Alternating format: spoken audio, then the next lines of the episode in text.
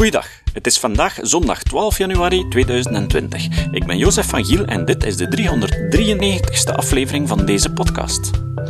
Beste wensen voor het nieuwe jaar. Patrick Vermeeren schreef opnieuw een boek. Het is ondertussen ongeveer 10 jaar geleden dat hij dat voor het laatst deed. Maar wat voor een boek. In een indrukwekkende kanjer van 1100 bladzijden heeft hij geprobeerd om al zijn kennis in bedrijfspsychologie en coaching te verzamelen. Dat is dan ook wat hij in die tien jaar heeft gedaan. Op 10 oktober heeft hij het boek voorgesteld in Technopolis in Mechelen.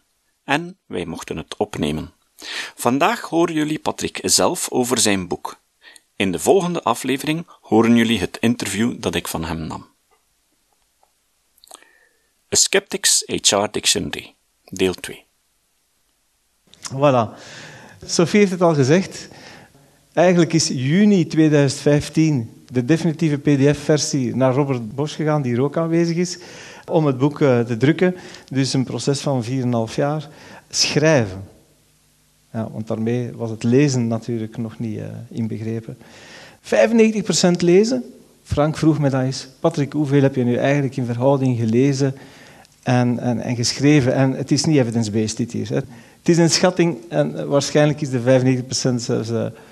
een onderschatting eigenlijk. Want eigenlijk ben ik beginnen lezen, ik heb het opgezocht. In 2004 had ik al een eerste intern document gemaakt, dus moet ik al voordien aan het lezen geweest zijn. Toen hadden we al Belbin en, en en Enneagram en HBDI en, en LIFO en zo uh, uh, in kaart gebracht en hadden daar eens een studiedag voor gedaan. En dat was een eerste aftasting, zo van, zullen mensen ons nu daarvoor haten en zullen we klanten verliezen of niet? En we verloren geen klanten en dat gaf ons moed om verder te gaan. En dan is in 2007 dit boek verschenen. Ja, dus uh, heel wat leeswerk. Ik heb wat foto's genomen in mijn bureau. Hè, kasten opengetrokken, de Leadership Quarterly. En uh, dat was toen nog op papier. Dus ik heb nog allemaal die klasseurs, uh, staan er op zolder.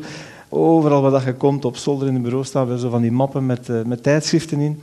Uiteraard een pak boeken. En als je goed ziet, ziet je de boekenplank vervaarlijk beginnen doorbuigen. En ja, dat je moet hier niet denken dat dat allemaal goede boeken zijn. Ik bedoel, dat ik achter sta. Uh, als je wilt kritisch zijn, moet je ook de slechte boeken lezen, spijtig genoeg. Uh, maar dat hoort erbij. En natuurlijk, Tom.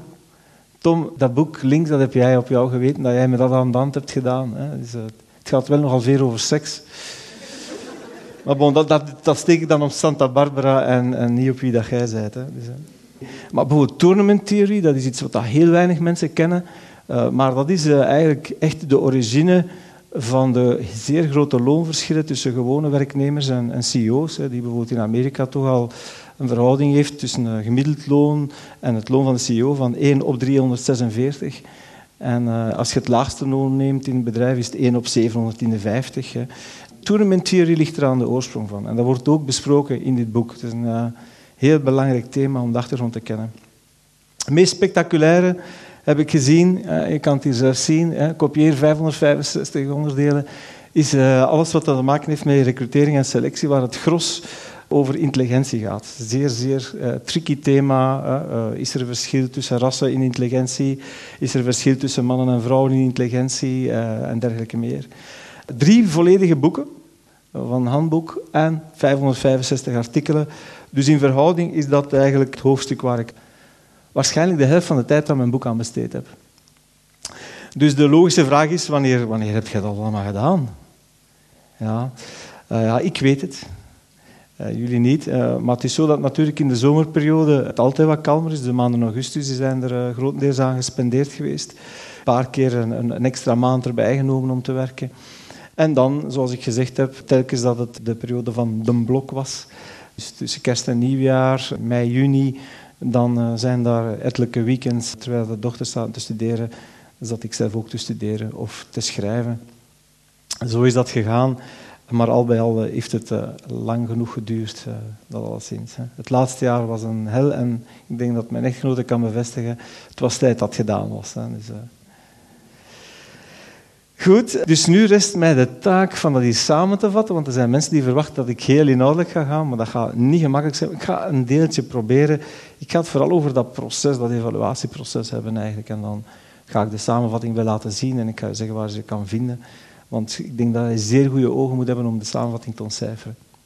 Tom heeft de definitie van demarcatie gegeven. Ik ga ze niet herhalen, maar ik heb enorm veel gehad aan uh, dit boek van iemand die ik zeer goed ken, Maarten Baudry, samen met uh, Maximo Pigliucci.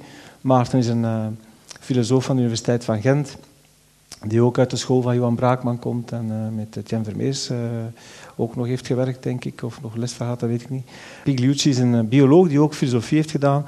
En die hebben samen een boek geëdit waar dat diverse wetenschappers en filosofen uitlegden hoe dat zij probeerden pseudowetenschap van wetenschap te onderscheiden. Dus dat, um, dat, was een fantastische inspiratiebron.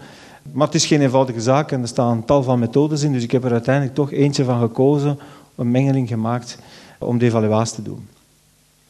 Om jullie toch al een idee te geven van hoe kan je toch een beetje beginnen dat onderscheid te maken, is de eerste zaak dat mensen die aan wetenschap doen, daar is twijfel eigenlijk een must. De slimme twijfel, ik denk, zo heet, uh, was het... Wie was nu weer? Welke filosoof bent even kwijt die dat zei? Van, uh, nee, nee die, die, man die zei van de, de, de slimme die twijfelen altijd, de domme die zijn cocksure, die zijn overtuigd van hun eigen ding. Dus ja, die zijn een beetje zelf overtuigd van hun eigen gelijk. Wetenschap is altijd voorlopig, dat kan frustrerend zijn. Er zijn zelden theorieën die echt volledig bewezen zijn. Evolutietheorie is een van de weinigen waar we zeggen van kijk, uit zoveel takken van de wetenschap blijkt dat je daar niet meer moet aan twijfelen. Wij zijn geëvolueerd, dieren zijn geëvolueerd, alles is geëvolueerd. Maar voor de rest is het altijd voorlopig en altijd maar dichter bij de waarheid komen.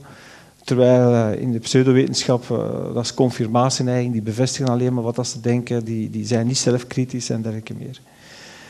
In wetenschap is men systematisch en bij het andere is er helemaal geen methode. Het is verifieerbaar, men gaat echt op zoek naar, naar bewijzen, naar, men gaat zoeken hoe kan men goede bewijzen vinden. Terwijl de andere meer van dogma's vertrekken. Hè. Dus zoals in Tiger Theory, het dogma dat wij sowieso aan een versnelling van onze evolutie zitten en dat wij allemaal inherent goed zullen worden en geen enkele competitie meer zullen doen. Dus alle criminelen zullen verdwijnen. Wetenschap is zelfcorrigerend, ook al werkt dat niet perfect, door de peer review. Er is, eigenlijk is wetenschap georganiseerde kritiek op elkaar. Terwijl dat bij die, die pseudowetenschap gebruiken ze hoogstens wetenschappelijk klinkende taal. Hè. Ze gebruiken graag terminologie die ik straks nog even ga toelichten. Uh, zoals ja, de, de, de, kritiek is georganiseerd en bij de anderen is het afwezig. Dus die peer review is een belangrijk element van wetenschap. Terwijl bij de anderen het clubje van fanatieke mensen zijn die vaak ook mensen voor de rechtbank dagen als ze durven kritiek uiten, wat dat wetenschappers normaal onder elkaar niet doen, elkaar voor de rechtbank dagen. Ook eh, worden regelmatig eh, papers teruggetrokken uh, omdat men een fout heeft gemaakt en dergelijke meer, of dat men fraude heeft gepleegd. Dus er zijn er enorm veel per jaar, jaarlijks 600 papers die worden teruggetrokken. Spreekt van zich dat men in de pseudowetenschap geen enkele terugtrekking doet. Men blijft daar zijn beweringen. En wetenschap, veel mensen denken, ja, maar ja, zoveel jaar geleden zeiden ze dit en dan zeggen ze weer iets anders. Ja, dat kan. Je kan die indruk zeker krijgen als je kranten leest. Kranten zijn geen goede bron om uh, aan accurate wetenschap te geraken. Uh, maar wetenschap is incrementeel. Hè. Dus bouwt verder, gaat. Een theorie wordt beter, maar echte wetenschap is, is incrementeel. En het is zelden dat uh, echt het op dit moment bij het foute eind heeft. Dat kan nog gebeuren, maar meestal bouwt het verder.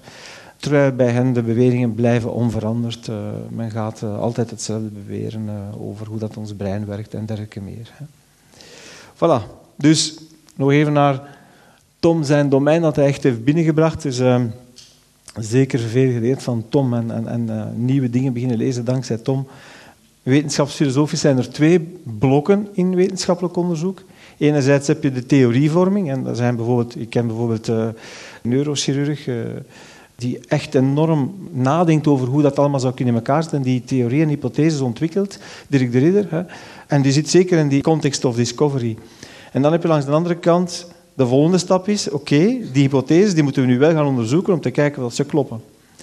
Dus in het eerste deel kan je nogthans ook al een beetje beoordelen, en dat is de link die ik ga leggen hoe dat ik mijn boek heb opgebouwd, van hoe duidelijk is die theorie, is die hypothese die men daar vormt. Want als die bijvoorbeeld in tegenspraak is met wat dat we weten over chemie, biologie en dergelijke meer, en de fysica, ja, dan kunnen we zeggen, ja, kom, steek uw tijd daar niet in. Dit is klinkklare nonsens. Hè. Als mensen bijvoorbeeld uh, beginnen vertellen dat je via kwantumprocessen toegang krijgt tot de kennis in het universum of in het parallele universum, ja, uh, Jozef, we hebben er een beetje over gepraat, maar die, die communicatie via kwantummechanica uh, in een warm brein, dat kan gewoon echt niet. Daarvoor is ons brein te warm. Dus dan, moet je wel weten, maar dan weet je, oké, ik ga er mijn tijd eigenlijk niet in steken. Ik heb dat dus wel gedaan, omdat ja, andere mensen dat misschien toch niet graag doen, dat allemaal uitzoeken. Maar ik heb mij er ook wel soms mee geamuseerd, kom ik straks op. Als we dan kijken naar het bewijs, moet je ook kijken welk niveau van bewijs. Wat dan mijn grootmoeder beweerde, lief mens, maar haar bewijskracht is niet zo betrouwbaar. Onze eigen ervaring is ook niet zo betrouwbaar. Het hoogste niveau van betrouwbaarheid is wel degelijk meta-analyses van onderzoeken die liefst al gerepliceerd zijn. En zelfs daar in die meta-analyses gebeuren nog regelmatig fouten. Dus ook de, de methodes van de meta-analyses moeten ook nog juist zijn. Dus je hebt een echt een niveau van bewijs, hè, eh, waarbij wat mijn grootmoeder zegt eh, helaas op het laagste niveau staat. Wat is de kwaliteit van het onderzoek? Ik heb juist gezegd, hè, sommige meta-analyses eh, bijvoorbeeld over coaching, die claimen dat coaching werkte, werkte, alle vormen van coaching werkte. En tot je ging kijken naar de methodes, mijn wekker gaat af, ik moet normaal gaan tennissen. Ah ja, ik moet gaan tennissen. Dus...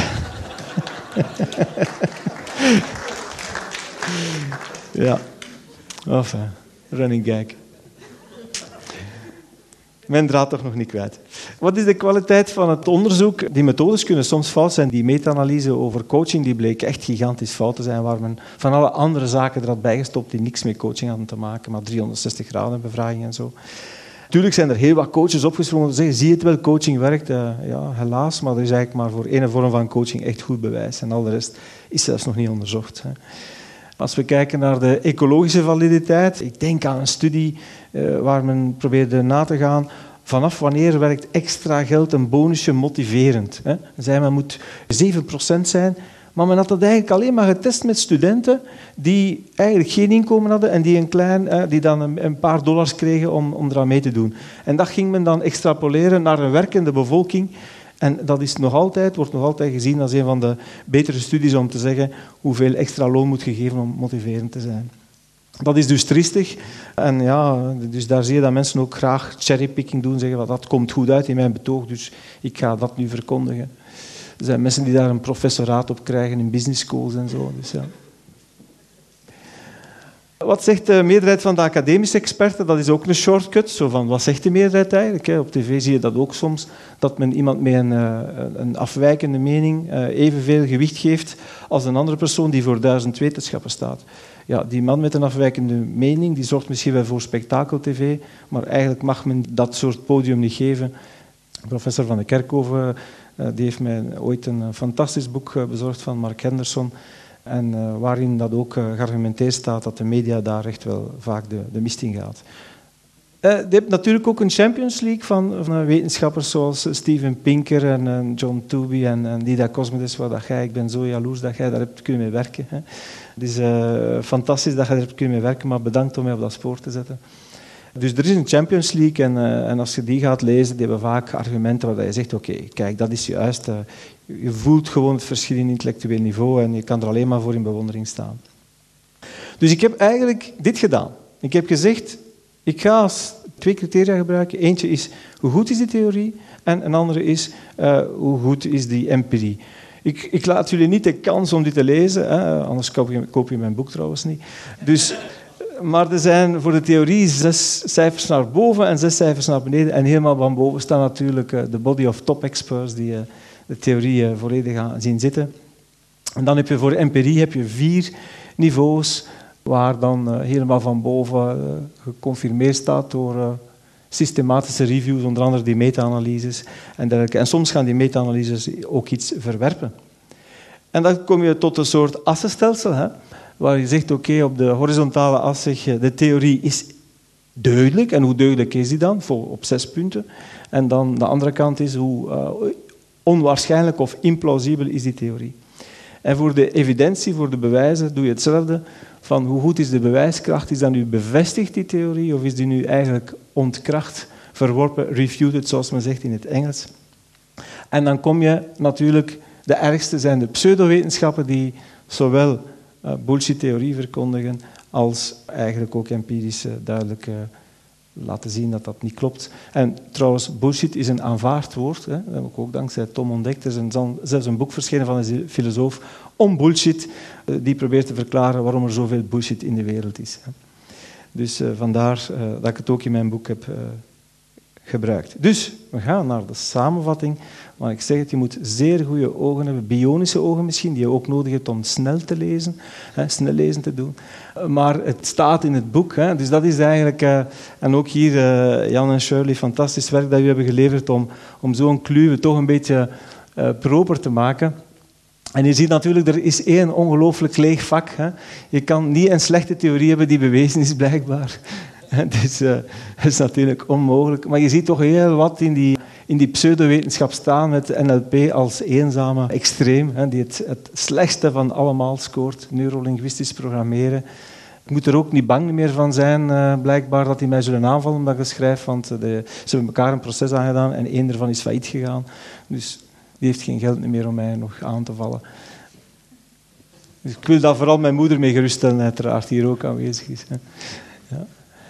Maar gelukkig zien we toch ook nog een flinke wolk van dingen die wel uh, goed kloppen. En je ziet ook een aantal zaken die misschien plausibel leken, maar die eigenlijk uh, empirisch dan toch gesneuveld zijn.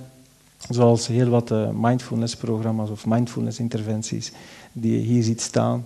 Mindfulness-based interventions voor andere mentale problemen en dergelijke meer. Time management staat er ook in en zo pay for performance en dergelijke, heeft een slechte invloed op prestaties. Dus dit is eigenlijk de slide met de samenvatting, maar die mag je natuurlijk niet zomaar eh, verspreiden. Ik mag die niet zomaar verspreiden, want anders zouden ze zeggen, bewijs me dan een keer. En daarvoor is mijn boek ook zo lijvig geworden, om niet alleen grondig te zijn, maar ook te zorgen dat dat juridisch gezien ook echt staat als een huis. Hè. Maar het is ook, hè, dus je ziet dat is een last geweest, maar dat, dat veel lezen, maar ook wel een lust. Want oh, het is toch soms zo plezant als je dingen ontdekt die je zelf voordien niet wist. En er waren er heel wat. En uh, ik ga met jullie eigenlijk eens een quiz doen. Dat is uh, Dr. William Moulton Marston. Het diskmodel. Uh, die William Marston, ik ga twee slides terug. Die heeft meegewerkt aan de leugendetector, wat ook al een probleem is, hè, de leugendetector. Die heeft uh, Wonder Woman gecreëerd en die Lasso of Truth, dat is eigenlijk zijn leugendetector. Want voor wie die strips heeft gelezen, telkens ze daarmee sloeg, moest iemand de waarheid vertellen. Dus hij heeft eigenlijk zijn geschiedenis in de psychologie een beetje meegenomen als striptekenaar. Dus hij was de striptekenaar van Wonder Woman, maar hij had eerst Disk ontwikkeld en je ziet hoe dat eigenlijk eh, op verschillende manieren nu wordt vormgegeven. Dat is eh, één kakofonie van, van modelletjes geworden, allemaal gebaseerd op, op hem. Maar het is heel plezant om dan te ontdekken dat eigenlijk de kleuren zijn gewijzigd. Dat men niet meer bij dezelfde kleuren is gebleven. En als je goed kijkt naar die woorden, in welke context zou je die woorden nu gaan zien? Dominantie, verleiding, onderdanigheid, inschikkelijkheid.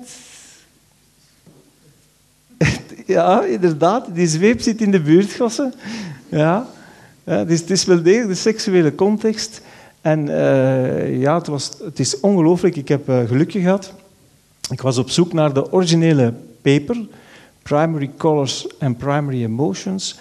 En ik heb toch toevallig een prof gevonden in Engeland die mij dan een kopie heeft gemaakt, want je kon het nergens niet meer vinden, het was niet online, kopie heeft gemaakt die met de post heeft toegezonden, moest zelfs zijn portkosten niet betalen.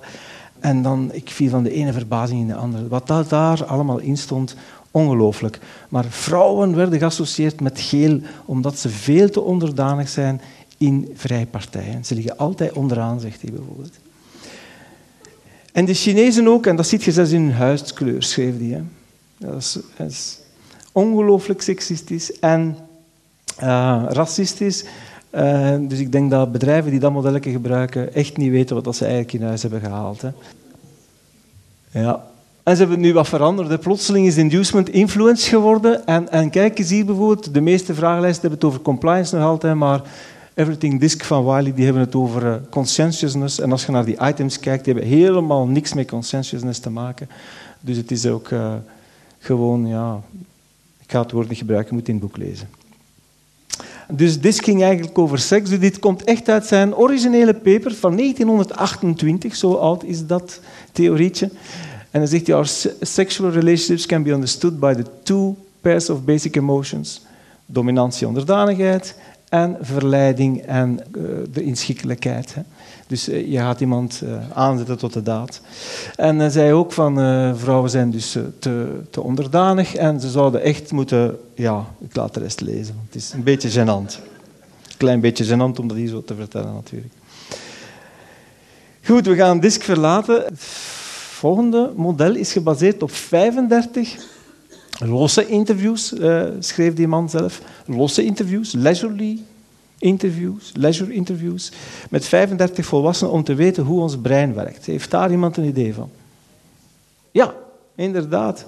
Charles Jennings met de 70-20-10, die heeft gans zijn theorie gebaseerd op uh, Alan Toff, zijn uh, interview met 35 Canadese volwassenen aan wie hij heeft gevraagd waar denk jij dat jij het meest hebt geleerd. Ongelooflijk. Dit is een, een, een training, is een training? Ik denk het wel. Ja, toch wel. Die uitgaat van een aantal mythes. We gebruiken maar 10% van ons brein. Onze communicatie bestaat voor slechts 7% uit woorden en 93% uit vorm. Ik kan dat nog gaan opsplitsen, en dat is Mehrabian's rule. En dan ook nog eens, als we ons rechterbrein gebruiken, kunnen we toegang krijgen tot de hele kennis in het universum. Alpha-training, ja alfa-training, waar dat men zegt van we gaan hersengolven alfa opwekken en dan wordt hij creatiever en dergelijke, of slimmer. Goed, welke aanpak beweert het volgende? Dat is over organisatieopstelling, hè, waar dus mensen in ruimte worden geplaatst en dat je moet zeggen van kijk, uh, bijvoorbeeld uh, Marie-Christine, jij moet daar gaan staan, jij stelt die collega voor, je moet je zo wat zetten. En dan door een paranormaal proces, hoogstwaarschijnlijk via kwantumfysica, zegt men, krijg je dan plotseling de antwoorden hoe je dat moet oplossen. En daarom zeggen ze, het is zoals EM, E is mc kwadraat in de sociale wereld. Hè. Dus uh, Einstein er even bij sleurt, dat is ook altijd populair. Hè. Ook al heeft die, het aantal quotes dat die man heeft gedaan, dat is ongelooflijk, die hij nooit gedaan heeft, maar die ze hem toeschrijven. Dat is Einstein, de social scientist, is ook een van mijn thema's in mijn boek. Zo, hè, om er wel mee te lachen, dat hij als een sociale wetenschapper wordt gezien. Volgende is welk model gelooft dat de mens de historische schuld van de aarde tegenover de maan moet inlossen? Ook dat wij drie breinen hebben. Het enneagram. Het enneagram is echt uh, ongelooflijk. Uh, is meer dan 4500 jaar oud, komt van de Soefi-secte. En, en Gurdjieff heeft het nog gepopulariseerd. En, en hij heeft echt... die teksten die ik in mijn boek heb geschreven zijn waanzinnig. Over Belzebub en zo. En over, het is echt ongelooflijk. Het is, echt om je een breuk te lachen. Uh, mijn advocaat die het boek heeft nagelezen, zei van... Patrick, je schrijft uh, dat die man uh, waarschijnlijk gek was. Doe dat niet, hè, want dan zouden ze u kunnen vervolgen. Mensen zullen dat wel zelf snappen als ze dat lezen. dat was... ja, er is dus nog iemand, en Peter, denk ik, jij hebt het al gezegd. Hè, Frederik Laloux gelooft dat ook. Hè. Frederik Laloux is, is van de school van, van Ken Wilber die ik in Australië heb leren kennen via onze collega's daar, die plotseling een van die dingen zei, oh, spiral dynamics, en dat is geweldig. En begon daar een hele uitleg te doen, dat de mens opwaartse spiraal ging maken naar allemaal elkaar graag zien. Het was de Flower Power Revisited. Dat is Frederik Laloux, die helemaal evolutietheorie verwerpt. En dit is ook een leuke. Het is een satirisch tijdschrift, The Onion. En die heeft dit geschreven. Parents of nasal learners demand odor-based curriculum. Met welk model zal te maken hebben? Leerstijlen, hè. Dus de vak, hè, dus de visual, auditive, kinetic of kinestic. En ze zeiden, ja, je moet daar ook nog uh, nasaal bij doen. Ik vond dat geweldig. Ja, dat soort dingen schrijf ik dus ook in mijn boek. Dat is het plezier geweest van er wat anekdotes in te zetten. Ik heb zo'n stuk gemaakt, The Curious Case of, bijvoorbeeld Einstein, the social scientist of zo. Dit is een uitspraak van hem. That man's nature evolves by saccadic, quantum-like jumps from one steady state system to another.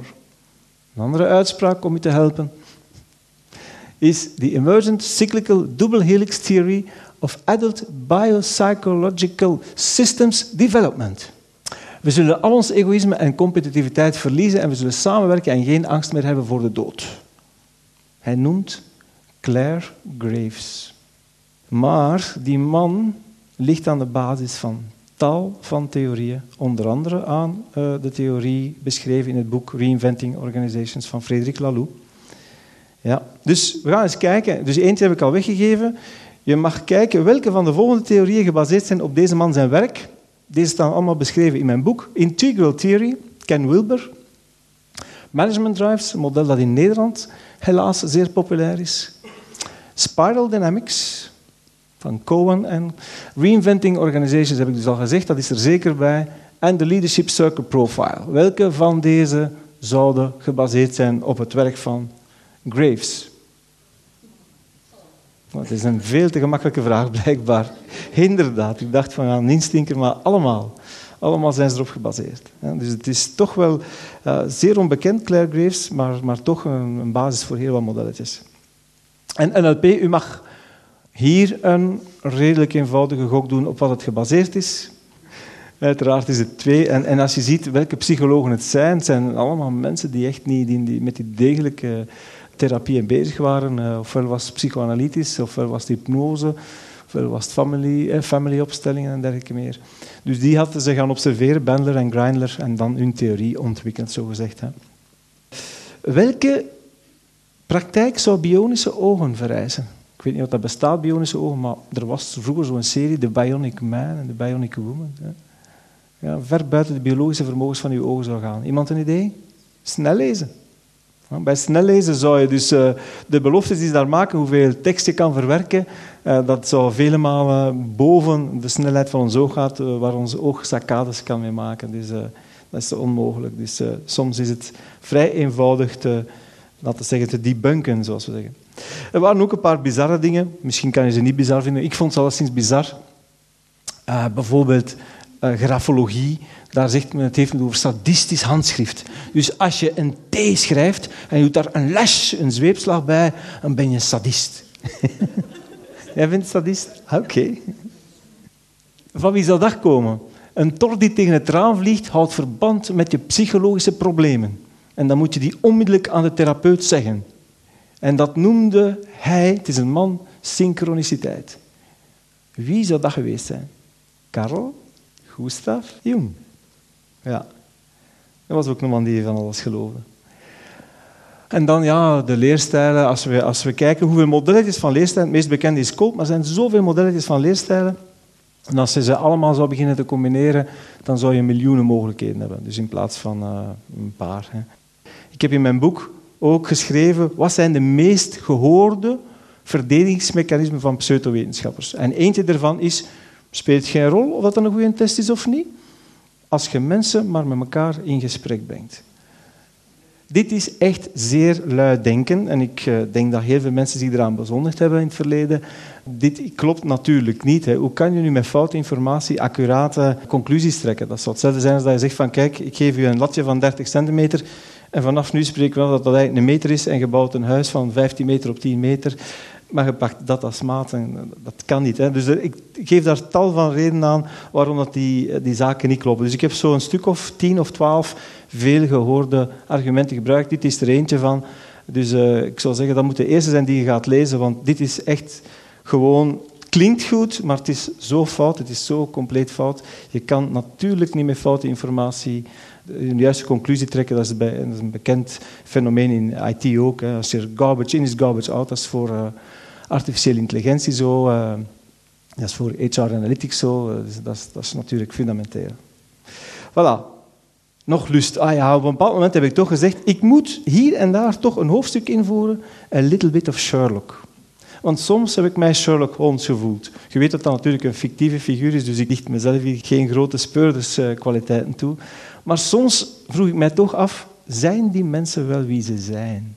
En zo heb ik bijvoorbeeld ontdekt dat Nut Herman van HBDI, dat hij zei, mijn eh, werk is gebaseerd uh, op basis van samenwerking, het was een beetje anders geformuleerd hoor, met Roger Sperry. En dat stond op hun Frequently Asked Questions. Dus ik probeer die man te contacteren, want die man heeft een Nobelprijs gewonnen voor split brain research, naar, uh, uh, waarbij ze voor epilepsie het, corpus callosum doorsneden, dat ons twee hersenhelften verbindt. Die man was overleden, maar zijn directe medewerker die, die, schreef en die schreef terug: Ho, ho, ho, is this a, New Year's joke or something? En ik zeg: Nee, nee, het is een ernstige vraag. En hij zei: Nee, allee, ja, Ik zal het nog een keer vragen aan de weduwe van meneer Sperry. En uiteindelijk ontdekten we die man heeft daar nooit mee samengewerkt. Heeft, die hadden nooit van hem gehoord. En alle wetenschappers die hij vermeldde, die hadden daar nooit van gehoord. Dus ik ben die anderen ook beginnen aanschrijven dan, die nog leefden. En niemand had ervan gehoord. De enige die niet heeft geantwoord is Albert Bandura nog. Maar ja, die, die is ook al zo oud, al in de negentig. Dus ik weet niet wat hij nog een pen kan vasthouden. Ja, Dr. Ken Wilber, dat is een man waar dus Bill Clinton, de voormalige Amerikaanse president, naar verwees als een grote filosoof wat heb ik daarvan uh, ontdekt? Uh, hij noemt zichzelf transcendente psycholoog. Dat je dus de wereld kunt overstijgen. Heeft geen diploma psychologie, heeft dat nooit gestudeerd. En noemt zich filosoof, heeft dat ook niet gestudeerd. Het is geen beschermde titel, heb ik via advocaten in Amerika uitgevist. Maar het is iemand in de biochemie, maar hij laat zich zeer graag dokter noemen en filosoof noemen. En hij corrigeert dat nooit. Hè. Dus, dat is de man die dus integral theory heeft en dus, dat is de, de guru van Frederik Laloux. Dr. Charles Jennings, 70-2010. Uh, de man laat overal, hij doet dat niet zelf hoor, uh, maar hij laat zich aankondigen als Dr. Charles Jennings, als een expert in leren. En uh, voor, daar heeft hij zijn 70-2010 framework mee ontwikkeld, wat hij overigens geen cijfers noemt, maar abstract. 70% 20% 10% Ik heb daar slides van, zet daar percentage bij, blijf beweren dat dat abstract is. Ik wist niet dat cijfers abstract waren, maar goed. Uh, ook geen, uh, geen psycholoog of pedagoog, hij is ingenieur. En dit is ook wel heel spectaculair. Hè. Dat is nog altijd een mythe die, die blijft gelden van uw communicatie bestaat maar uit, voor 7% uit woorden. En de rest is allemaal lichaamstaal of non-verbaal, eh, of uh, uw stemgebruik. Die man uh, heeft dat gans zijn carrière proberen te bestrijden, dat dat ooit een, een, conclusie was die hij zelf heeft getrokken. Ik heb nog met de man gecorrespondeerd. Uh, hij leeft ook nog, Albert Merebie. Uh, hij vindt dat echt verschrikkelijk. Dus dat ging over losse woorden waar dat, men aan mensen vroeg. Het ik geef een voorbeeld, bank.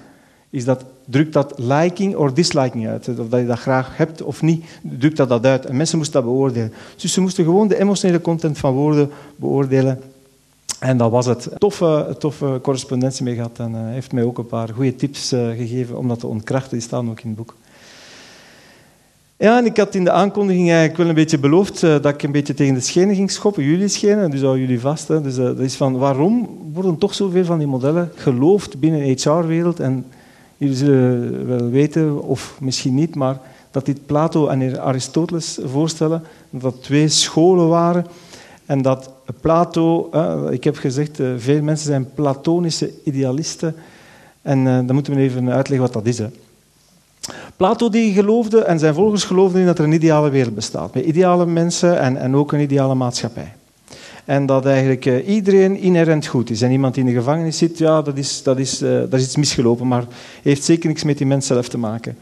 En iedereen heeft verborgen talenten. Iedereen heeft talenten, eh, misschien zijn ze bij sommigen verborgen, maar je kan het bij iedereen ontdekken. En je kan de mens ook haast volledig maken. Een blanco blad, een onbeschreven blad. Dat is toch wel een van die uitgangspunten waar Aristoteles zich dan uh, tegen verzette. En ik vrees dat heel wat HR-mensen toch een aantal van die zaken geloven. En ik, ik twijfel niet aan de goede bedoelingen, maar ja, hoe zegt men dat ook?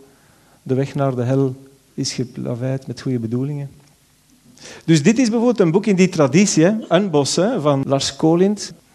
Die zei, je moet geen bazen nodig hebben. Hè. Maar er zijn er veel in die traditie. Het begon al met eh, Rousseau, dat boek. Maslow was ook iemand in die humanistische psychologie die rare termen gebruikte, zoals zelfactualisatie en zo. Maar ook Carl Rogers, de psycholoog, en eh, Edward Dacey van het model van... Uh, motivatietheorie daar, eh, self-determination theorie, zit ook in die school. Die Lars Collins heb ik gezegd, Frederik Laloux zeer zeker, Ken Wilber ook zeer zeker, want ze geloven dus dat we allemaal goed gaan worden. Die meneer Graves en ook Seligman. Voor mij toch wel een van de grootste verrassingen. Vandaar dat in mijn boek het staat, uh, staat nog een gedeeltelijke waarheid, want er maar een klein stuk, een heel klein stuk, maar een klein stukje is waar, namelijk wij hebben ook positieve emoties. Dat is ook ongeveer alles wat er overschiet van positieve psychologie. Daarom staat het in het boek Partial Truths gekenmerkt als een near myth. Eh, wat, dat, wat ik daar allemaal ontdekt heb van fraude in wetenschap, in de onderzoeken, tot gigantische financiële belangen, is eh, echt onwaarschijnlijk. Ook heel erg populair bij sommige HR-mensen. Voilà, om af te ronden heb ik ook nog gezegd, er zijn ook een paar dingen niet opgenomen in het boek, onder andere die formule om rijk te worden, want die wou ik natuurlijk aan mensen zoals jullie voorbehouden. Maar dit heb ik niet durven schrijven in het boek. Dat we eigenlijk luilakken zijn. Tom heeft al gezegd, uw werkkracht, ja, sommigen zeggen ook dat dat toch een beetje gek moet zijn. Ik denk dat soms van mezelf ook, van waarom doe ik dat toch allemaal? Waarom is dat toch zo sterk van dat te blijven doen? Maar ik heb er spijt van dat ik het er niet geschreven heb, want deze dame, Margriet Sitskorn, heeft dus... Dank u, Sophie. Ik denk dat jij dat hebt doorgestuurd ook, of zo. Dat, de tip van dat boek, zo. Hersenhak, waarin zij, zij formuleren het van... Onze hersenen zijn lui, want als je met weinig denken kunt wegkomen, dan doe je dat. En dat is ook zo. Onze hersenen zijn zo geprogrammeerd om van andere dingen te geloven, zodanig dat we niet elke keer ons moeten afvragen, is dat wel zo? Hè? Je gaat naar een dokter, stel je voor dat je naar je huisarts gaat, of een nieuwe huisarts, en zegt van, dokter, ik zou graag, zoek een nieuwe huisarts, kan u mij eerst uw diploma eens tonen? Heeft dat al iemand hier gedaan, aan zijn arts een diploma gevraagd? Ik vermoed van niet, en dat is ook natuurlijk onbegonnen werk, als je altijd zo paranoia moet zijn. Maar we zijn dus een beetje lui en daardoor zijn wij toch wel ook... We zijn lichtgelovig, wat dat voor onze voorouders nuttig was. Maar dat maakt ook dat men, als men ons een flashy model voorschotelt... En als men weer, het is door wetenschappers onderzocht, dat ons luie brein zegt van... Oké, goed, fijn, ik wil dat geloven. En dan die formule hoe dat je snel rijk wordt. Ik ga je niet langer in spanning houden. Ik wil ze achteraf wel doorsturen, want het zal nu moeilijk zijn om dat allemaal te noteren. Maar dit is de formule. Ik ga ze ook maar even tonen. Anders, ja. Maar ze staan niet in het boek, dus ik moet ze tonen.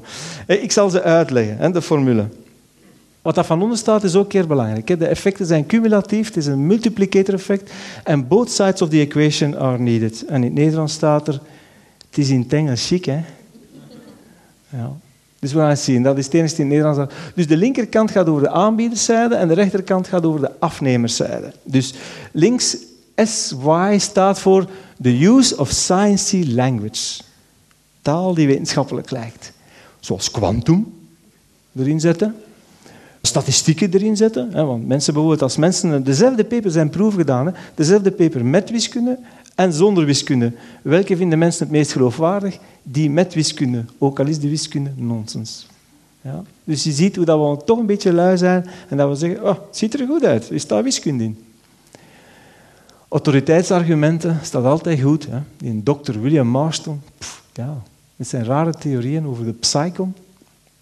Psychon was een soort van eenheid in ons brein, dat hij vergeleken met, met onze, onze genen of het atoom. Hè? Het is evidence-based, helaas, dat is een slogan, we gaan ervan wegwijven. We zeggen het is science-based, want er beginnen te veel evidence-based te roepen, terwijl het niet evidence-based is wat ze doen. Hè. Dat is, uh, uh, ook dat wordt weer al gerecupereerd. Het is allemaal fake en, en marketing. Name-dropping dat ze doen. Hè. Van, uh, Einstein is de, hè, sinds kort blijkbaar een sociale wetenschapper. Voilà. En, en dat is ook nog leuk, dat komt van die filosoof cocksure acting. Ze, doen zich, ze gedragen zich super zelfzeker, alsof ze echt het allemaal weten. En ja, cirkels en kleuren. Hè. Hij zou zeggen, maar Perco doet dat toch ook, cirkels en kleuren? Ja, ja, dat is waar, moet toch iets doen, hè, mensen. Ja. Maar alleen betekenen de kleuren bij ons niks behalve de verkeerslichten. Dat is het verschil. Het is niet een gele denker of een blauwe denker of uh, ja, een onderdanige gele, helaas niet. En een beetje marketing erbij, mooi verpakken. En uh, je hebt de aanbiederskant. Hè? Dus dat is de verleiding die zij opzetten. Natuurlijk moet je liefst aan de andere kant ook een degree of gullibility hebben. Gullibility betekent lichtgelovigheid. Hè? Dat is mooi in het Engels. Gullibility. Dus als je een hoge graad van lichtgelovigheid hebt, dan ga je daar gemakkelijker in mee. En als je daar uh, laag in op scoort, dan heb je waarschijnlijk kritische denk vaardigheden en dat is lastig voor de aanbieders. Uw graad van luiheid, hè, hoe luier, hoe meer je natuurlijk in tootje wordt genomen, want dan ga je geen inspanning doen en dan ga je liever naar netwerken om daar proberen iets op te steken, waar je dan heel veel onzin krijgt te horen. Dus ik ben niet zo'n fan van netwerken. En uh, ja, als je dus uh, niet lichtgelovig bent, dan ga je wetenschappelijke artikelen gaan raadplegen. En dan uh, I is dus de graad van platonisch idealisme. Hoe graag wil je het geloven dat mensen goed zijn, dat ze talenten hebben en dergelijke meer. Om dan, uh, denk ik, af te ronden met... Uh, ja, als je bovendien ook nog hebzuchtig bent, snel wil rijk worden, dan moet je bepaalde seminaries gaan volgen van mensen die ik niet nader ga noemen. Anders brengt me dat opnieuw in problemen. Dus ehm, dat is dan de kost of de inkomenszijde. Voilà. De vraag die ik nog moet beantwoorden is, gaat het uw laatste boek zijn? Ik heb dat uh, aan mezelf beloofd en aan mijn vrouw beloofd en ik ga dat doen, maar ik ga nog wel wat schrijven en ik ga dat proberen te doen op een blog die is gestart en die draagt volledig de naam van uh, het boek www.skepticshdictionary.com en daar staan al een paar papers op. En Tom, ik heb iets geschreven over Eagly deze week het is geverifieerd door een eh, Amerikaanse editor. Dus uh, ik heb de artikels gelezen en ik heb uh, over Eagly terug een nieuw stukje geschreven. Ja, echt waar. Dus, scope voor jou. Voilà, dat was het. Dank je wel.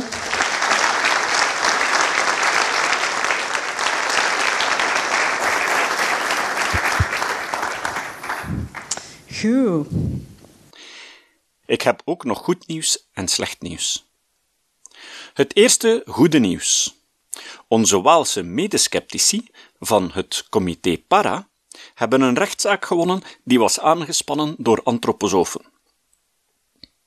Het tweede goede nieuws is Patrick Vermeeren en Bart van de Ven hebben van de rechter gelijk gekregen in de rechtszaak dat tegen hen was aangespannen door Karel van de Velde Instituut.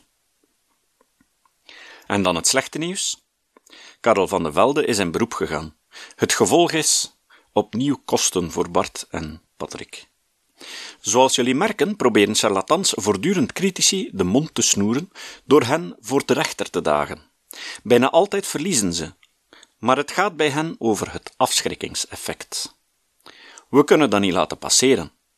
Daarom opnieuw een oproep aan iedereen om hen te steunen in naam van de vrije meningsuiting van sceptici die durven ingaan tegen charlatans. Op de pagina van deze aflevering vinden jullie een link naar een pagina van Skep waarop jullie kunnen doneren. Het citaat. Het citaat van vandaag komt van Griet van der Massen. Het komt uit haar boek Dames voor Darwin, waarvan de boekvoorstelling eerder in deze podcast verscheen. Holistische wereldbeelden werken allerminst bevrijdend, omdat ze vaak van bovennatuurlijke denkbeelden zijn doordrongen en geen onderscheid maken tussen de natuurlijke en de morele orde. Tot de volgende keer. Dit was de podcast Kritisch Denken. Vergeet niet om alles kritisch te behandelen, ook deze podcast. Voor verdere informatie over deze podcast, links en voor de tekst, surf naar www.kritischdenken.info. Als je deze podcast belangrijk vindt, kun je me steunen door anderen warm te maken ook eens te luisteren. Stuur een e-mail naar vrienden met een link naar de website en plaats de link in de handtekening van je e-mails. Tevens kun je op iTunes deze podcast een beoordeling geven of een recensie schrijven. Of je kan op je eigen website of blog een link naar kritisch denken plaatsen.